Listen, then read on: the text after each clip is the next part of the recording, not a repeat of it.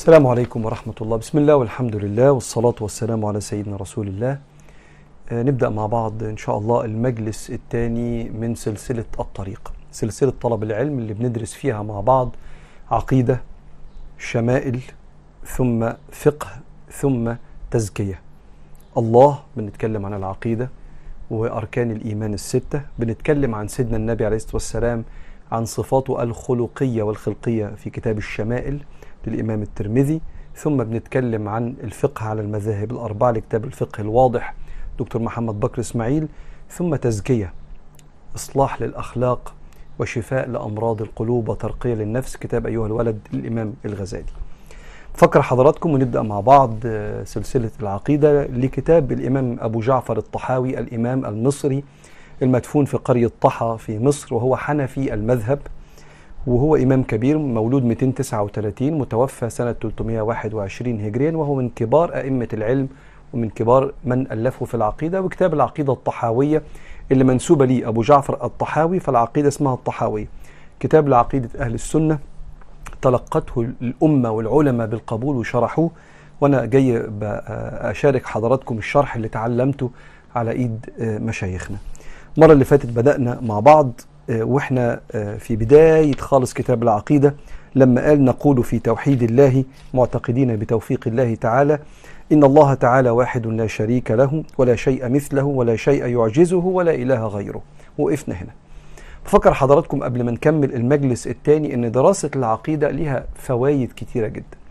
على رأس أهم فائدة إنك أنت يكون جواك المعلومات والمفاهيم السليمة عن الله.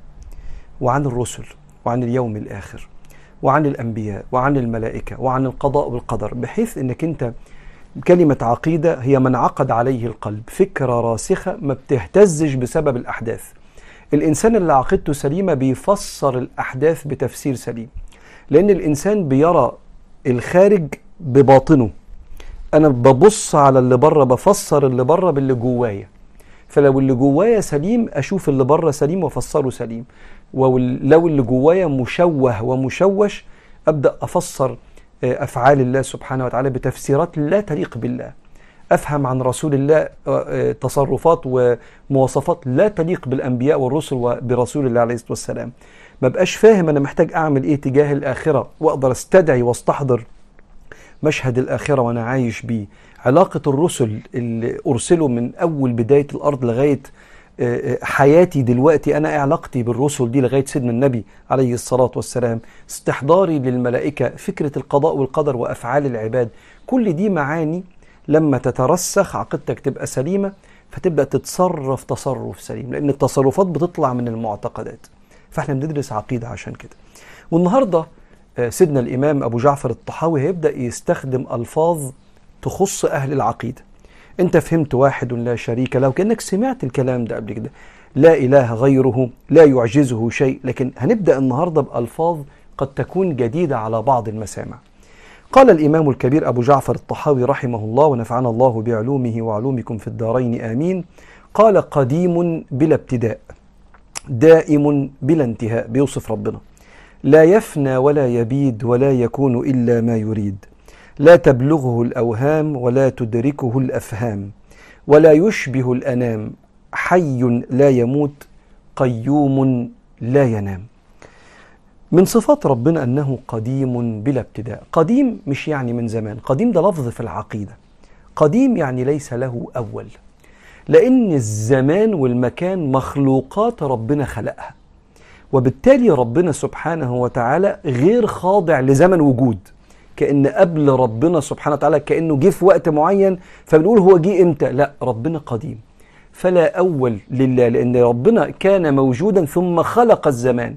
فلما خلق الزمان بدأنا نحسب يعني إيه زمن ويعني إيه سنة ويعني إيه قرن لكن الله ليس له أول. وهنا في مغالطة منطقية شهيرة جدا بيخلقها الشيطان في ذهننا. يوم ما بيقول لك مين اللي خلق ربنا؟ وقبل ربنا كان في إيه؟ طب ماشي. أيوه ربنا جه منين؟ يعني عمل إيه عشان يجي؟ كل هذه الأسئلة العقل بيدور عليها. وأنا هقول لك على مجموعة معلومات عن العقل عشان تعرف إيه اللي تستخدم فيه المكنة اللي اسمها العقل وإيه اللي تستخدم فيه المكنة التانية اسمها القلب. إيه اللي تستخدم فيه عقلك وإيه اللي تستخدم فيه قلبك. عشان ما تطلبش من مكنة تطلع حاجة ما اتخلقتش فيها. ينفعش أنا أحط عمارة فوق عربية صغيرة وأقول للعربيه امشي مش هتمشي. ما ينفعش أطلب من آلة معينة إنها تنزل لي أكل وشرب وهي بتشتغل في الطباعة. فالعقل ده خلق علشان يدرك الأشياء اللي بيعرف يتصورها. لأن العقل ده ثقافته اتكونت من الجوارح اللي بتدخله حاجات. فأنا مثلا لو قلت لك بنكرياس أنت تقول بنكرياس إيه بنكرياس ده؟ هو ده اسم مدينة ولا اسم حاجة في مواتير العربيات؟ ولا اسم عضو في جسم الإنسان. أنا قلت لك اسم. أنت محتاج عشان تفهم الاسم ده بيدل على إيه؟ إنك أنت تعرف هو تابع لإيه؟ جسم الإنسان فتتصور جسم الإنسان والأعضاء اللي جوه. موتور العربية فتتصور الموتور العربية والأجهزة اللي جوه. آه، مش عارف هو ده دي مدينة. طب في بلد إيه؟ كلها أشياء داخلة جوه تصورك عن البلد جسم الإنسان العربية. اذا العقل مكون من مجموعة معلومات عن العالم الذي يعلمه والذي يراه. الله مش من العالم. الله خارج العالم. فتصور حقيقة ذات ربنا وحقيقة صفات ربنا مش شغل العقل لأن الله سبحانه وتعالى ليس كمثله شيء فكيف يتصوره العقل؟ وبالتالي استخدام العقل في إدراك حقيقة ذات ربنا أو الإحاطة بحقيقة كل صفات ربنا ده أنا بكلف العقل فيه أكتر مما يطيق. ولو الإنسان أصر إنه يحط بحر في كوباية مية هيعجز عن كده لأن المي الكوباية ما اتخلقتش عشان تسع هذا البحر. وكل ال- الأفكار أو المعتقدات اللي أصحابها بشر رفضوا رفضوا إن هم يؤمنوا بربنا إلا لما يفهموا كل حاجة عن ربنا ويدركوا ذات ربنا. العقل ما مش هيعرف كده. فبدأوا يطلعوا بتصورات عقلية عن العقيدة. فبدأوا يعبدوا حيوانات ويعبدوا أشجار ويعبدوا بشر ويعبدوا آه، مخلوقات. فطلعت أفكار عقلية تانية من عقول تانية رفضت اللي هم قالوا عليه. فلما العقل رفض إنه لازم عشان أؤمن بربنا أدرك كل حقيقة صفات ربنا وأفهم ذات ربنا عجز العقل. فبدأ بقى يبقى فيه أكتر من ألفين عقيدة من تأليف البشر من أول عبادة الفيران لغاية عبادة الشمس مرورا بعبادة الأبقار. فأنت محتاج إنك أنت توقن بقلبك وعقلك وده اللي محتاج تقتنع بيه بعقلك بوجود الله. وأن الله هو الخالق وده اللي هنمشي فيه علشان نقتنع إن شاء الله بقلبنا وعقلنا. فإذا أيقنت أنه إله وأنه موجود في بعد كده بعد يقينك ده ومعرفتك ده بعقلك وبقلبك في بعد كده صفات عن ربنا. لو اتفقنا أنه إله واتفقنا أنه موجود في بعض الحاجات يقول لا أنا عقلي مش هيفهم دي. ومش مش عايز أستخدم ألفاظ يعني مش علمية بس أنا متصالح إن أنا لا أدرك حقيقة ذات الله. متصالح. وربنا سبحانه وتعالى يفعل ما- ما يريد. ومن حق الله سبحانه وتعالى أن يعطينا أشياء بالبراهين. عشان كده القرآن والسنة ممتلئين بالأدلة العقلية على وجود الله كخالق وعلى وحدانية الله. آه ده أنا محتاج أقتنع بيه ده. اقتنعت بده بعد كده صفات ربنا اللي هي خارج العالم ليس كمثله شيء قد لا تدرك حقيقتها بعقلك. عشان كده لما بيجي الشيطان يقول لك من خلق الله السؤال ده أنا لسه بشرح لك في قديم بلا ابتداء. ربنا ملوش أول وبعدين إيه بدأ بقى من السنة دي. لا هو قديم ليس له أول لأن الزمن مخلوق. لما الشيطان بيقول لك من خلق الله فأنت عن عندنا كده العلماء يدرسوا لنا ما يسمى بالتسلسل بلا أولية. يقول لك التسلسل بلا أولية محال عقل. يعني إيه؟ مين خلق ربنا؟ إله. طب مين خلق الإله ده؟ إله تاني. مين خلق الإله التاني؟ إله تالت. فيقعد كده ما هو لازم في الآخر نوصل لإله لأن التسلسل بلا أولية محال مش منطقي. لازم يجي في واحد هو اللي كان الأول اللي خلق دول كلهم. فجه ربنا قال لك أنا الأول وخلقت ولم أخلق آلهة إنما أنا إله واحد وخلقت كل مخلوقات. كلمة قديم في لغة العقيدة عكسها حادث. حادث شيء محدث شيء مخلوق. وكل حادث يجب أن يكون له محدث يعني خالق. وكل حادث يجب أن يكون له محدث. محدث محدث يعني خالق لغاية ما نوصل للخالق. ولو قلت لي طب أيوه بقى أهو أيوه بقى مين اللي خلقه؟ ما إحنا لو قلت لك خلقه يبقى في حد خلقه هيبقى برضه هو كمان. ما دام الخالق حد خلقه يبقى الخالق مخلوق. استنى. بس الخالق مش مخلوق الخالق خالق. فإزاي بتسألني من خلق الله والله مش مخلوق؟ ودي بيسموها العلماء المغالطة المنطقية. إنك تيجي على حاجة وتسأل سؤال منطقيا غلط فتقول لي هو مين؟ اللي شرب الكتاب. أقول لك الكتاب مش مشروب عشان يتشرب. السؤال فيه مغالطة منطقية. فلو قلت لي مين اللي شرب الترابيزة أقول لك الترابيزة مش مشروب. السؤال غلط. قول لي قول لي حاجة تانية تمشي معاها. فربنا مش مخلوق عشان أقول من الذي خلق الخالق. لأن هو لو السؤال من الذي خلق يبقى اللي جاي ده مخلوق والله مش مخلوق. وبيضربوا مثال لطيف جدا جدا. يقول لك مين اللي خبز العيش؟ يقولوا الخباز خبز العيش. يقولوا طب مين اللي خبز الخباز؟ خبز الخباز. الخباز ده راجل مش مخبوزات عشان حد يخبزه. السؤال غلط. وبالتالي الله قديم مش مخلوق. هو لا أول له بلا ابتداء. وبما أن ربنا سبحانه وتعالى قديم يعني ليس له أول خارج الزمن هو اللي خلق الزمن يبقى ربنا كما يقول بقى في بقية بقى الكلام دائم بلا انتهاء. الله سبحانه وتعالى لن يأتي عليه وقت ويموت يفنى يرجع عليه وقت وينتهي يتلاشى. فقال لك الإمام قديم بلا ابتداء دائم بلا انتهاء. لا يفنى ولا يبيد.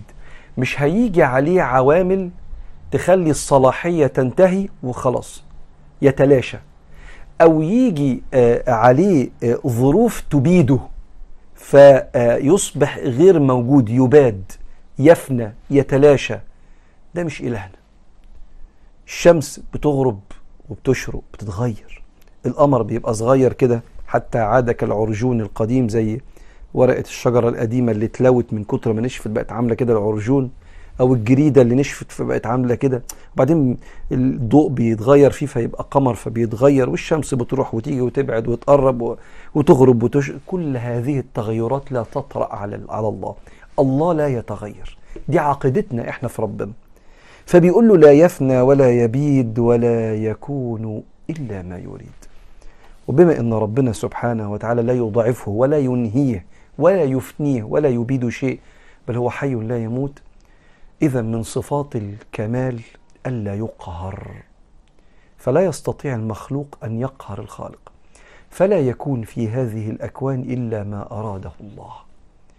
وده يخليك مطمئن كل ما تعرف ربنا تعرف حبه ورحمته وحكمته وكرمه تعرف أنه لا يريد إلا كل نافع وإلا كل خير وإلا كل صلاح.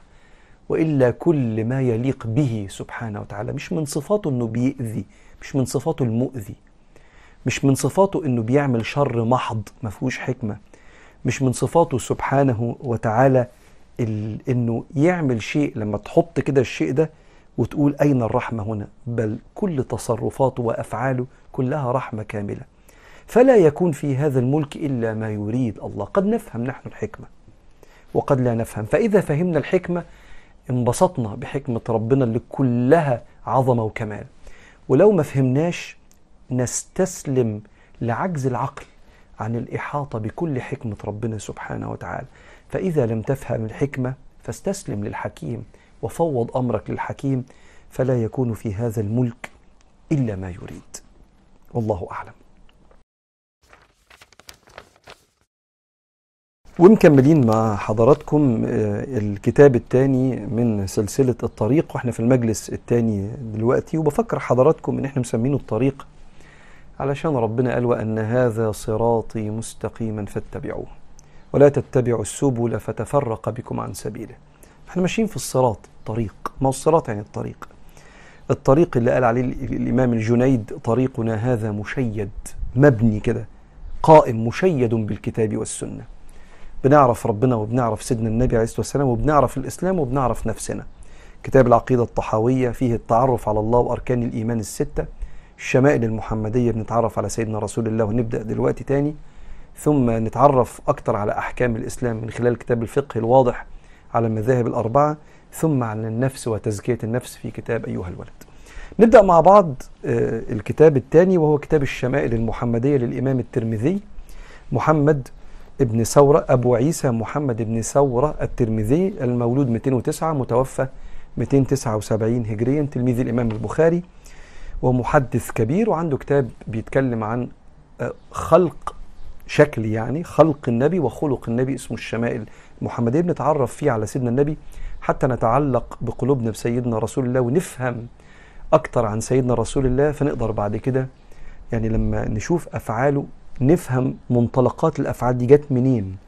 وكيف كان رسول الله عليه الصلاة والسلام يسالم ويحارب ويحب يغضب يفرح آه وهكذا.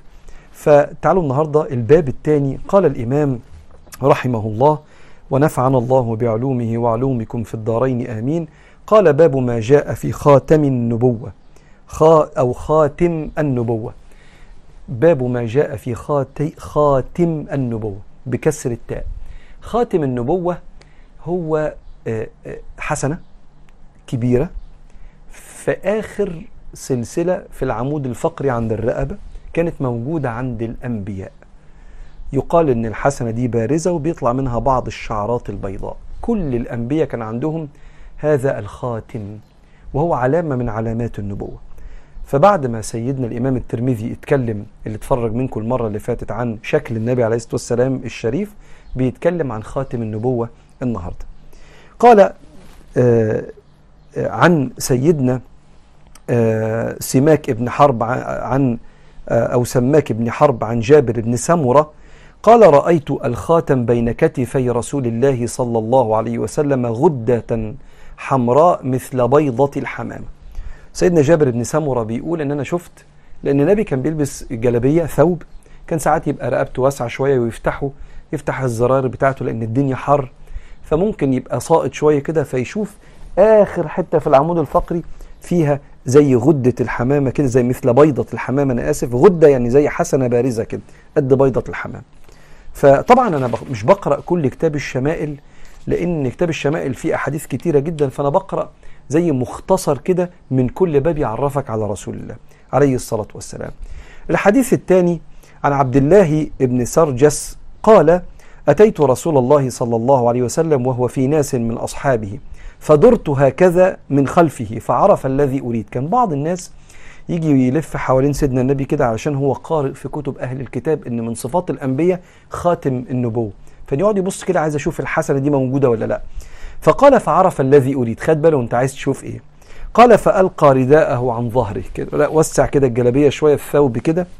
قال فرأيت موضع الخاتم على كتفيه مثل الجمع حولها خيلان كأنها ثآليل. فرجعت حتى استقبلته فقلت غفر الله لك يا رسول الله. قال ولك. فقال القوم استغفر لك رسول الله. قال نعم. صلى الله عليه وسلم ثم تلا واستغفر لذنبك وللمؤمنين والمؤمنات. هو بيقول إن أنا شفت آه، عند كتفه بين كتفه كده مثل الجمع الجمع بضم الجيم أي جمع كف كأنه عمل كده. جمع الكف وهو آه، هيئته إذا جمعه بالأصابع. لما أقول لك الموضوع ده فهنا اسمها الجمع آه، أو الجمع الجمع وبعدين بيقول حولها خيلان. قال جمع خال وهو نقطة تضرب إلى السواد تسمى شامة. شامة قد كده. حسنة قد كده بارزة بيقول يعني. كأنها ثآليل قال ثآليل كمصابيح وهو جمع ثؤلول كعصفور وهو خراج صغير كالحمصة حمصة كالحمصة يظهر على الجسد له نتوء واستدارة. معنى الكلام شفت حاجة قد كده فجمعها بإيديه عاملة زي الشامة بارزة قد الحمصة. فزي ما صاحبنا من شوية قال أو صاحب النبي عليه الصلاة والسلام قال عاملة زي بيضة الحمامة وده خاتم النبوة. الباب الثالث قال باب ما جاء في شعر رسول الله صلى الله عليه وسلم. هيوصف دلوقتي شعر النبي عليه الصلاة والسلام.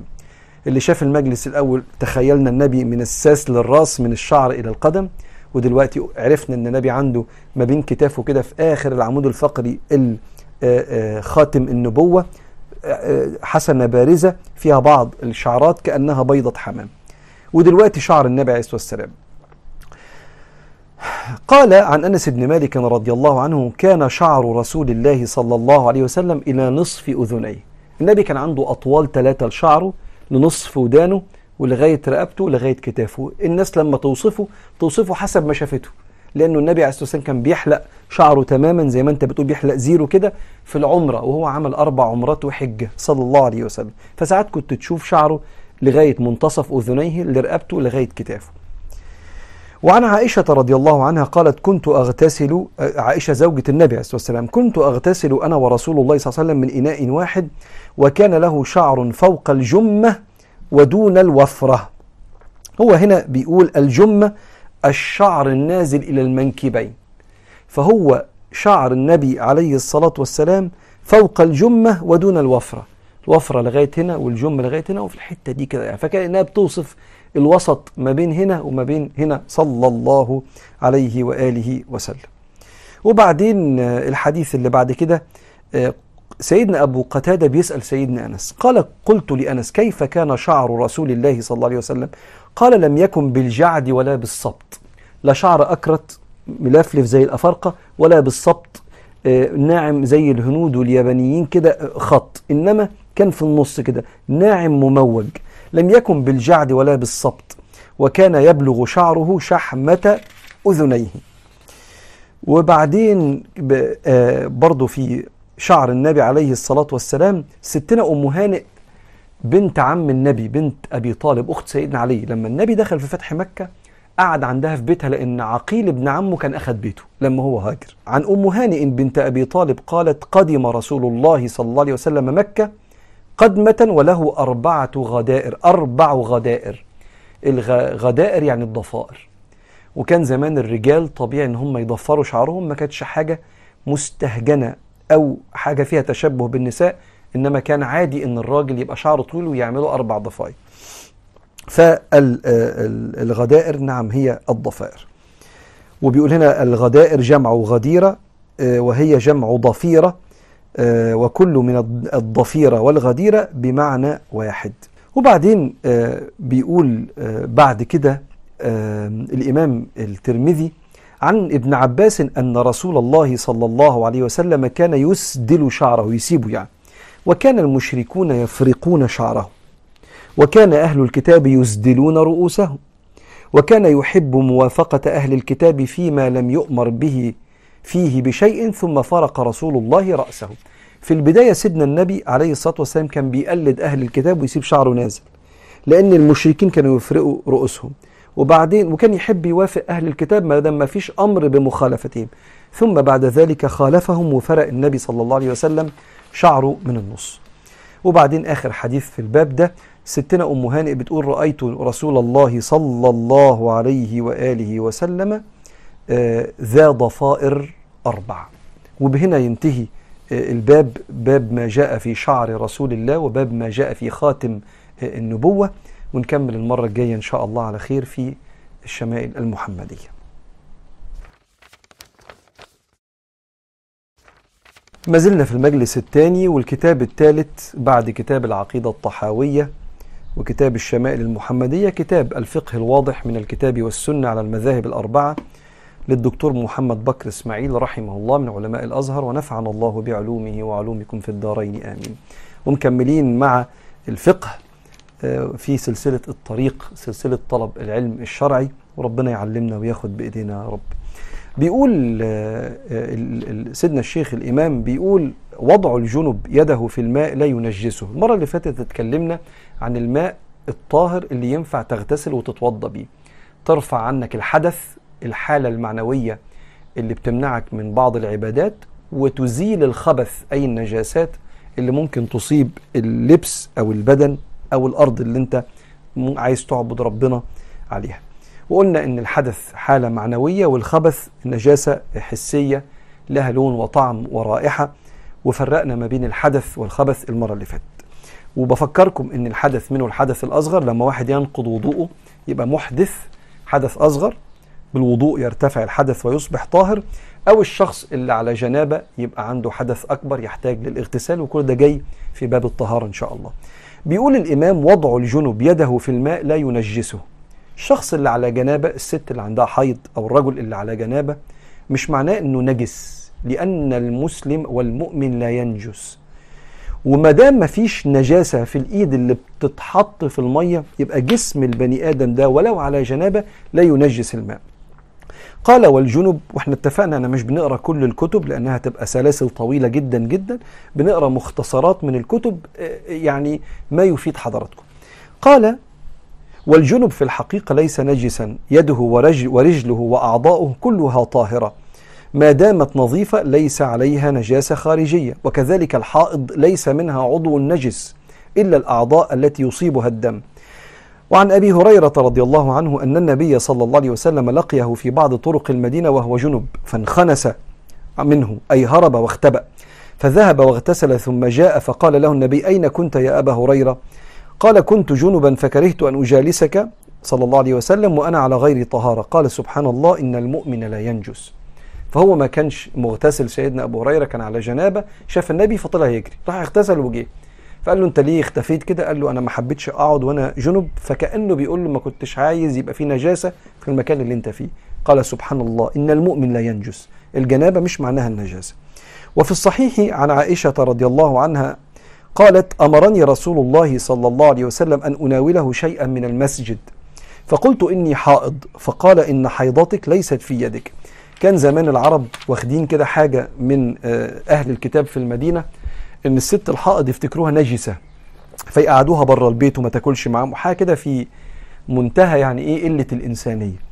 فلما النبي جه لا بتقول له أنا مش هقدر أديك الجلابية بتاعتك أو الحاجة اللي في الجامع لأن أنا حائض فلو مسكت حاجة تتنجس. قال لها لا المؤمن لا ينجس وإن حيضتك ليست في يدك.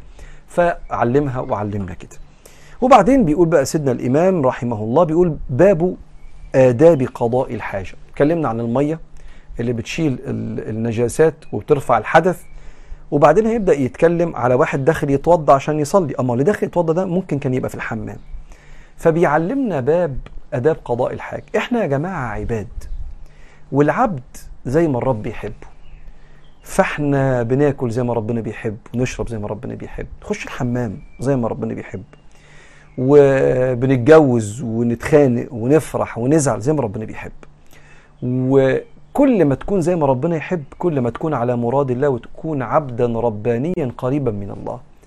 وكل ما تخالف مراد الله كل ما كأنك بتشغل جهاز مش زي ما اللي اخترعه عايز. هيبوظ قريب هيتشتت هيتعب. علشان كده آه، إحنا هنبدأ آه، وإحنا ماشيين كده قبل ما نتكلم عن الوضوء والصلاة عن آداب قضاء الحاجة. قضاء الحاجة يعني دخول الحمام تواليت يعني. وسميت قضاء الحاجة لأنه احتياج عند البني آدم ولأنها لفظ مؤدب. لفظ مؤدب. بدل ما نتكلم عن البول والبراز وألفاظ ممكن تكون عند بعض الناس يعني مش محببة للقلب يسموها قضاء الحاجة. رايح أعمل الحاجة اللي أنا محتاجها كده وده من الأدب اللي بيتأدب بيه آه، كل من تعرف على سيدنا النبي عليه الصلاة والسلام وعرف ربنا سبحانه وتعالى. طيب قال والآداب هي الأمور المستحبة شرعا. وقضاء الحاجة كناية عن البول والتبر التبول والتبرز في الخلاء. الخلاء يعني حمام. أو في المكان المعد لذلك. عايز أقول لك بس معلومة مهمة. أحكام الحمامات التواليت قضاء الحاجة الخلاء اختلفت شوية عن زمان بسبب إن زمان ما كانش فيه حمامات في البيت. ليه ما فيش حمامات؟ ما فيش دورة مياه. ففي تواليت لما تقضي فيه الحاجة تشد السيفون يمشي لا كانش فيه الاختراعات دي. فما كانش ينفع حد يتبول أو يتبرز في البيت ده شيء مش نظيف. فكانوا بيروحوا الأماكن بعيدة ورا الجبال يبقى في ساحة كده الناس بتعمل فيها ال- الموضوع ده. فكانت أماكن نجسة ليه ارض زي ما هي كده كان في هنا واحد بيتبول واحد هنا بيتبرز مش زي عندنا في ففي بعض الأحكام هناخدها شبه زمان وبعض الأحكام قد تغيرت وهقول لك دلوقتي بسبب إن الحمامات عندنا شكلها اتغير. لكن في الآخر هناك آداب بتمشي في كل زمن متعلقة بأدب البني آدم نفسه. فبيقول إيه عشان كده كلمة خلاء يعني مساحة خالية كبيرة كانوا بيروحوا فيها وأطلقت دلوقتي على الحمامات بتاعتنا أول أدب من آداب آه، قضاء آه، الحاجة هو البعد عن الناس والاستتار عنهم. تقول لي على فكرة عادي ما كلنا كده لا الناس كانتش تعمل كده زمان. وفي بعض الدول آه، في بعض يعني لما تسافر بره في بعض الدول الناس يعني في الحمامات بتغير قدام بعض والناس اللي عاشت بره عارفة الكلام ده. حتة الاستتار بالعورات والكلام ده. وممكن يبقى في حمام مشترك. عارف بيبقى في كده حاجات لا يا جماعة إحنا عايزين ديننا يقول لنا أنا مكسوف من الموضوع ده أنا محرج هو ينفع الكلام ده؟ فيجي الدين ينظم الحاجات دي كلها. فزمان أيام سيدنا النبي عليه الصلاة والسلام قبل النبي يعتبر في الجاهلية كان فكرة ستر العورات وإن الواحد يروح الحمام ده كان ممكن اتنين تلاتة يروحوا مع بعض الحمام ويتبولوا ويتبرزوا هم قاعدين مع بعض بيدردشوا مع بعض. وهقول لك دلوقتي الأحاديث. فجي النبي قال إيه ده؟ واحد يعني ده هو اسمه البراز كناية عن الإنسان بيبرز بعيد جدا لغاية ما حدش ما يشوفه. حتة بعيدة خالص فيبرز يبعد وسمي منها التبرز أو البراز. أعزكم الله وحفظكم الله. حتى هي يعني إيه كناية عن المكان اللي بيبعد فيه. مش الشيء نفسه اللي بيخرج من الإنسان. فبيقول أول أدب البعد عن الناس والاستتار عنهم. فعن جابر بن عبد الله رضي الله عنه قال خرجنا مع النبي صلى الله عليه وسلم في سفر فكان لا يأتي البراز. يعني ما كانش بيروح في الأماكن اللي الناس كانت بتتجمع فيها كده انما كان بيبعد صلى الله عليه وآله وسلم. لا يأتي البراز حتى يغيب فلا يرى. يفضل ماشي ماشي ماشي. عايز يروح يروح في مكان بعيد لا يراه الناس. حتى يغيب فلا يرى. وبعدين من الآداب الأخرى الاستعاذة قبل الجلوس لقضاء الحاجة. إذا أردت أن تقضي حاجتك في المرحاض فقل قبل أن تدخل اللهم إني أعوذ بك من الخبث والخبائث. كذلك الأمر في الخلاء قبل تشمير الثياب. فعن أنس بن مالك رضي الله فعن أنس بن مالك رضي الله عنه قال كان النبي صلى الله عليه وسلم إذا أراد أن يدخل الخلاء قال اللهم إني أعوذ بك من الخبث والخبائث. والخبث بضم الخاء والباء ذكور الشياطين والخبائث إناث الشياطين. آه. في عوالم أخرى ربنا يعرفها لأن ربنا اللي خلقها. فبيقول أنت لما بتكشف عن عورتك من الأدب والحفظ والحماية.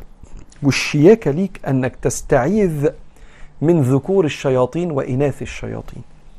فربنا قال كده. سيد يعني علمها للنبي والنبي قال لنا عليها عليه الصلاة والسلام. فإحنا بنعمل كده لأن إحنا تبع النبي.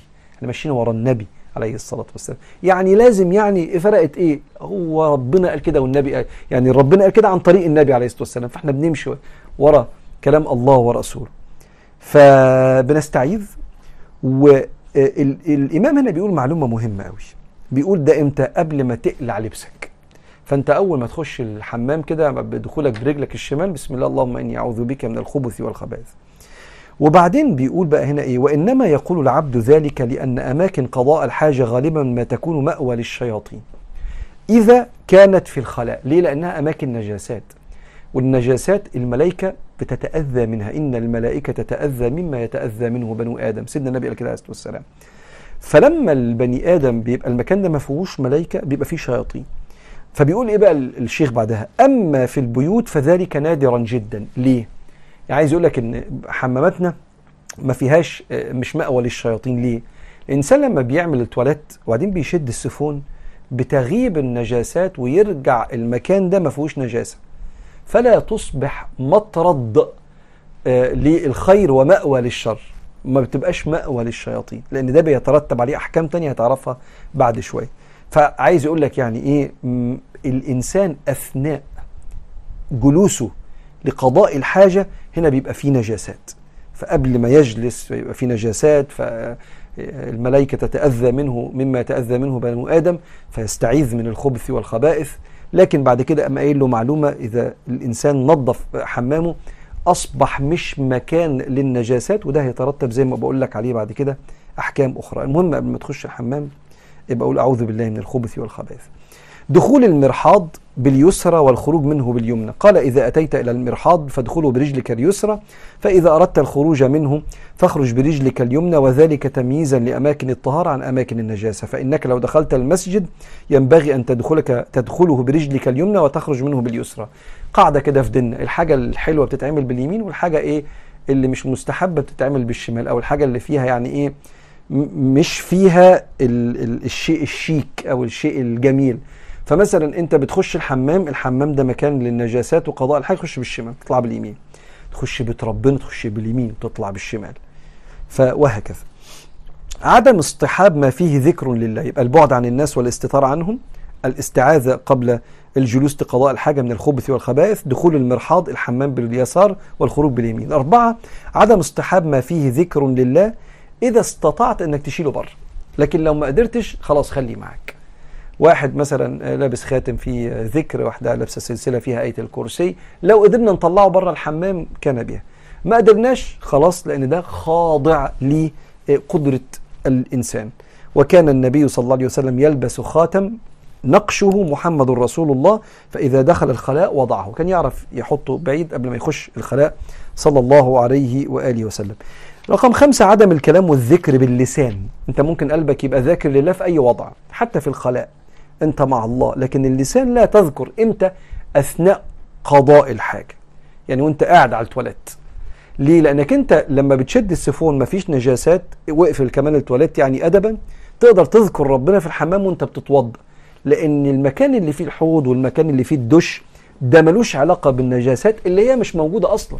لأنك شديت السيفون فصار المكان خالي أصلا من النجاسات. وبالتالي انت بس اثناء قضاء الحاجة وانت في الحمام بتاعنا بقى الموجود دلوقتي لا تذكر الله باللسان. لحديث المهاجر ابن قنفذ انه اتى النبي صلى الله عليه وسلم وهو يبول.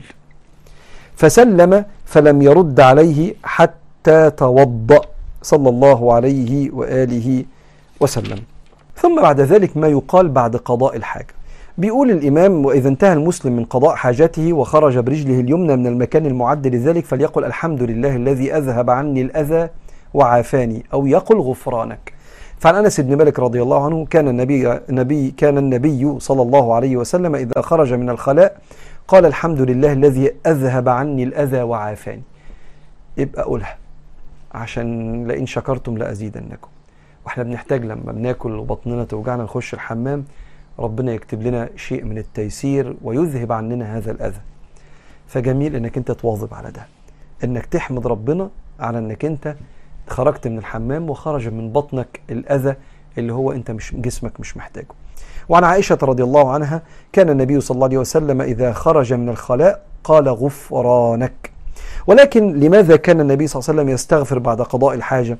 قيل أنه كان يستغفر لتركه الذكر في تلك الحالة لأنه ما كانش بيذكر أثناء الخلاء.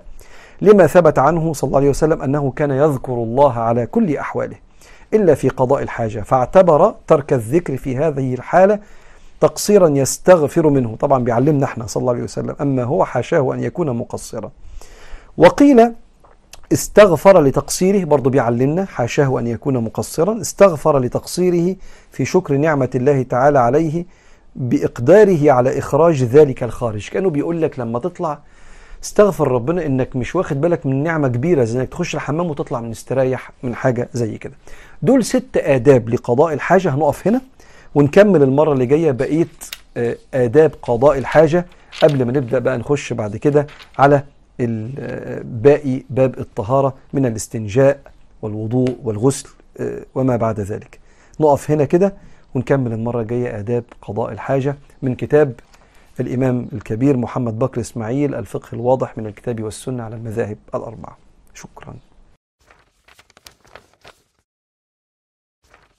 وصلنا للكتاب الرابع في المجلس الثاني من سلسلة الطريق. وهو كتاب أيها الولد للإمام الكبير حجة الإسلام أبي حامد الغزالي المتوفى سنة 505 هجريا رحمه الله ونفعنا الله بعلومه وعلومكم في الدارين آمين. الكتاب رسالة بعتها الإمام الغزالي لواحد من تلامذته وأولاده علشان ينصحه بنصايح يعرف يعيش بيها في الدنيا يعلم لأنه كان طالب علم عند الإمام يعلم الناس ولكن يحافظ على قلبه فيسير في الطريق إلى الله وهو محافظ على قلبه وبيشتغل على إصلاح أمراض قلبه وبيحمي نفسه من القسوة على الخلق وبيجعل العلم سبب في تعرفه على ربنا وازدياد نفعه وخدمته للخلق مش قسوته أو غلظته. وده الجزء الرابع من سلسلة الطريق. إحنا بنتكلم عن الله وأركان الإيمان في العقيدة بنتكلم عن سيدنا النبي عليه الصلاة والسلام في الشمائل بنتكلم عن الفقه في كتاب الفقه الواضح وبنتكلم هنا عن النفس وتزكية النفس في كتاب أيها الولد. قال الإمام أيها الولد النصيحة سهلة والمشكل قبولها لأنها في مذاق متبع الهوى مرة إذ المناهي محبوبة في قلوبهم وعلى الخصوص لمن كان طالب العلم الرسمي مشتغل في فصل النفس ومناقب الدنيا. فإنه يحسب أن العلم المجرد له سيكون نجاته وخلاصه فيه. وأنه مستغن عن العمل وهذا اعتقاد الفلاسفة. بيقول له إيه؟ بيقول له يا ابني اعرف أن النصيحة سهلة. أي حد يعرف يسمع نصيحة أو يقول نصيحة بالذات سماع النصيحة وحضور الدروس وسماع أهل الخبر. لكن الإشكالية في القبول ومتى يقبل الإنسان؟ وبيقول له إمتى الإنسان يقبل النصيحة؟ لما يبقى عايش بعقلية المبتدئ المتواضع. وكلما كان الإنسان متكبر كان عامل زي الجبل كده. المية المطرة تنزل عليه وتقوم نازلة. لكن لو كان متواضع بيبقى عامل زي مجرى النهر أو الحفرة كده المية تنزل تتجمع فيه فينتفع. ومن أجل الجزئية دي كان الإمام الغزالي بيقول لتلميذه أوعى أوعى في يوم من الأيام تفتكر نفسك اتعلمت فلا تقبل النصيحة. لأنه بيقول له هنا لأنها في مذاق متبع الهوى مرة. اللي بيتبع الهوى تقيل على قلبه أول حد يقول له على فكرة النبي ما يحبش كده عليه الصلاة والسلام. ربنا ما يحبش كده. خليك مؤدب خليك حنين خليك متسامح. قوم صلي الفجر في ميعادك. حافظ على ألفاظك. هو أنا عارف أنا بعمل إيه مش محتاج حد يقول لي. دي كده اتباع للهوى. فبيقول له يا ابني دايما تبقى في عقلية المبتدئ. زي ما سيدنا النبي كان ربنا يقول له كده وقل رب زدني علما.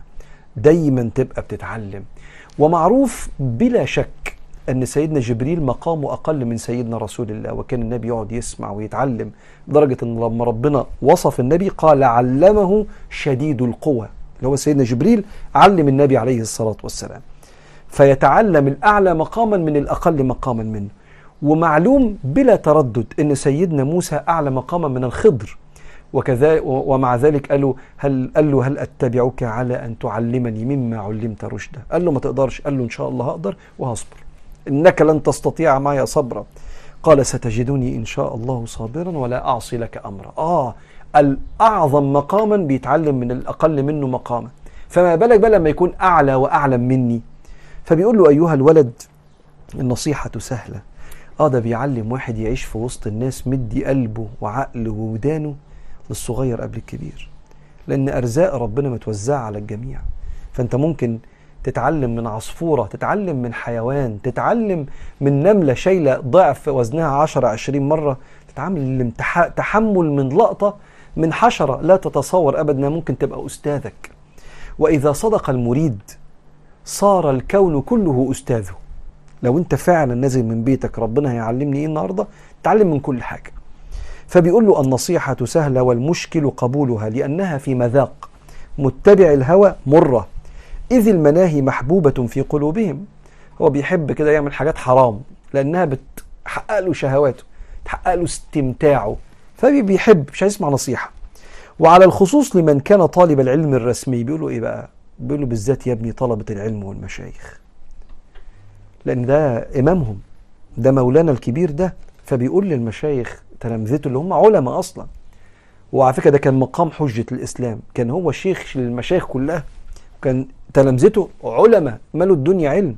فبيقول لهم يا أولاد اللي هم علماء يقول لهم يا أولاد مهما اتعلمتم وبالذات اللي بيتعلم العلم الشرعي بعد شوية كده بيحس إنه عارف. والناس جهلة مش عارفين ومش فاهمين وأنا هعلمهم. قال له اوعى اوعى تعيش بالحال ده. ده اللي بيتعلم العلم الرسمي ده اللي هو يعني طالب علم شرعي متخصص يعني فاكر إن نجاته وخلاصه في العلم ومستغن عن العمل. وده اعتقاد الفلاسفة. بيقولوا بقاش فلسفة الله يكرمك. عايز العلم يبقى علم نافع إنه يشوفوا أثره في سلوكياتك وأخلاقك. وكان سيدنا النبي صلى الله عليه وآله وسلم يستعيذ بالله من علم لا ينفع. آه علم. ما هو خد بالك مش كل واحد بيعرف يتكلم بمعلومات في أي تخصص حتى في العلم الشرعي أو في أي علم من العلوم الحياتية. تفتكر إن العلم ده أثر فيه؟ لازم القلب يتفتح إن أنا بتعلم لنفسي. مش بتعلم عشان أدعو الناس بس ولا أتعلم عشان أنصح الناس. أنا بتعلم عشان أصلح نفسي عشان أنجو أنا من كل شيء ربنا ما يحبوش. فلما تقرأ وتستمع وتتعلم ركز مع نفسك. ابدأ بنفسك اولا زي ما النبي قال عليه الصلاة والسلام. ثم بمن تعول شوف أنا العلم ده أثر فيا قرب من الله في سرعة الاستجابة للعبادة؟ رحمة بالخلق وخدمة لهم. ورحمة بنفسي. لما تبص ده ثم زيادة في عمارة الأرض والاجتهاد في كسب الرزق الحلال. تلاقي نفسك العلم عمل فيك كده ساعتها تطمن. بس ده عمل خد بالك. يعني كل اللي أنا قلته لك ده أثر العلم على العمل سواء في الأخلاق أو في عمارة الأرض أو في عبادة الله. فبيقول له خد بالك يا ابني بلاش اعتقاد الفلاسفة إن أنا بقى عرفت يبقى خلاص. لا عرفت فاعمل. مش كده ربنا يفرق ما بين الرجاء والأماني. يقول كده إيه؟ تلك أمانيهم دي اوهام قل هاتوا برهانكم إن كنتم صادقين. أما الرجاء فهي أمنيات يصحبها يصاحبها العمل. فيقول كده فمن كان يرجو لقاء ربه فليعمل عملا صالحا ولا يشرك بعبادة بعبادة ربه أحدا. نقف هنا وإن شاء الله المرة القادمة نكمل مع الإمام الغزالي في كتاب أيها الولد ونصيحته لتلميذه كيف يزكي ويطهر ويرقي نفسه مع الله.